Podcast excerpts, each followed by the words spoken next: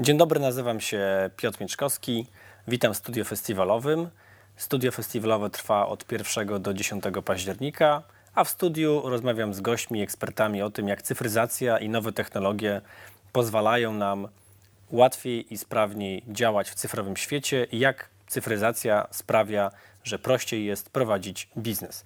Dzisiaj porozmawiamy o tym, jak opłacanie rachunków za prąd, internet i telefon, jak zrobić i opłacać te rachunki za telefon, co zrobić, by nie musieć o tym pamiętać.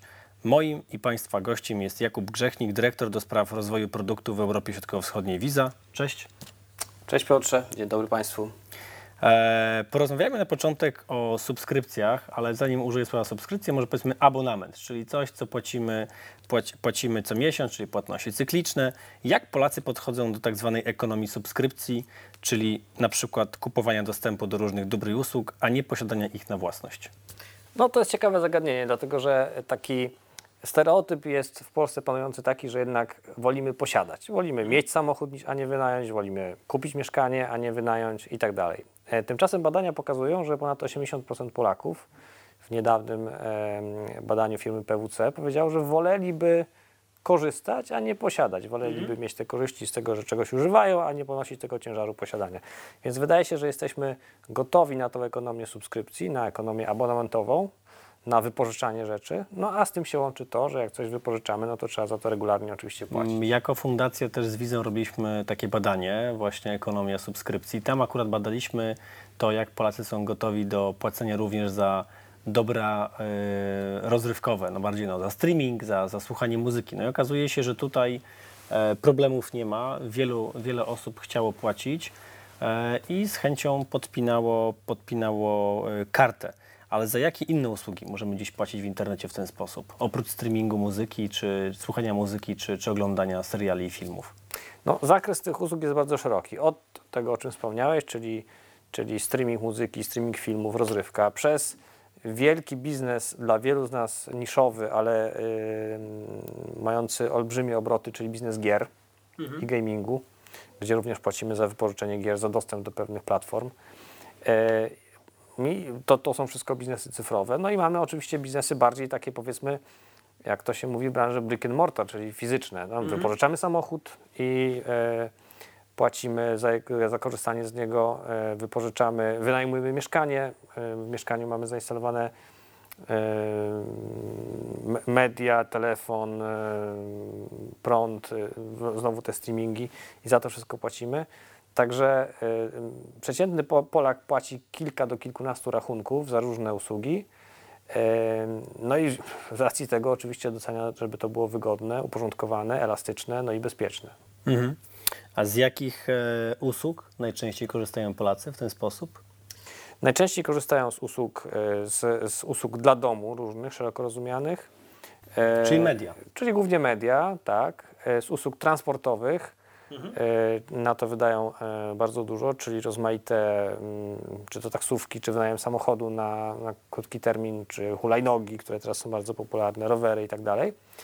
E, no i szeroko rozumiana rozrywka. Mhm. Jak łatwo podpiąć taką kartę? Czy to jest jakieś trudne, skomplikowane? Czy zwykła osoba myśli sobie poradzi? Czy czy, czy tutaj po, powinniśmy jakiś przewodnik niemalże pisać? Czy jest to prosta, prosta rzecz do wykonania? Staramy się y, pracować z całą tą dziedziną gospodarki, żeby to było jak najprostsze. I tutaj pojawienie się aplikacji mobilnych, które mhm.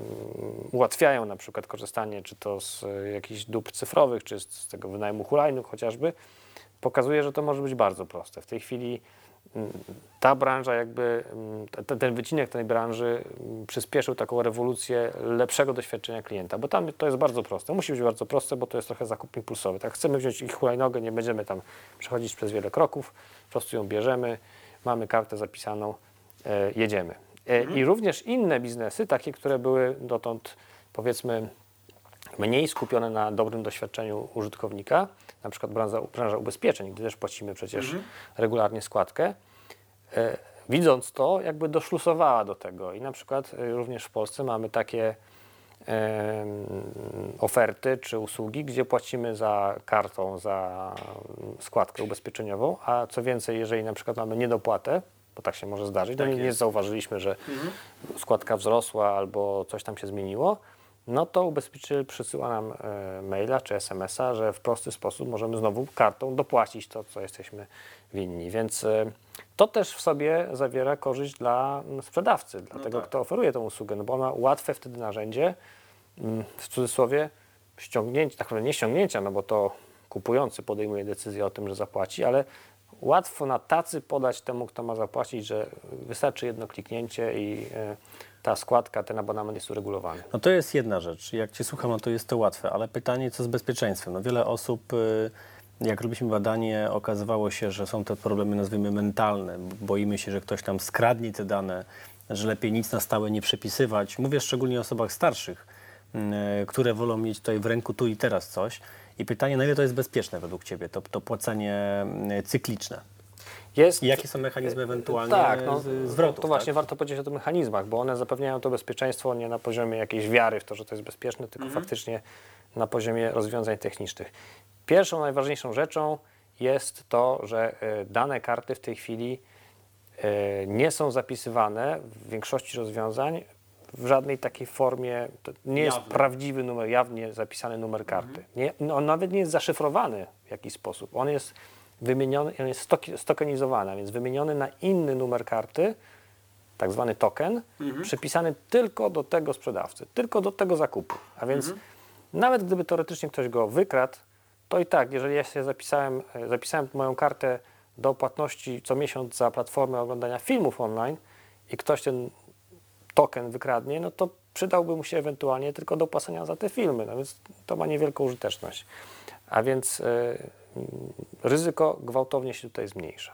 I to jest jedna rzecz, to znaczy nie musimy się bać, że ktoś nam wykradnie ten numer karty. No ale druga rzecz, która wychodziła w Polsce w badaniach tej ekonomii subskrypcji od wczesnych lat 2000, z tego co pamiętam, to była niepewność konsumentów, czy sprzedawca nas dobrze obciąży. No jasne. prawda?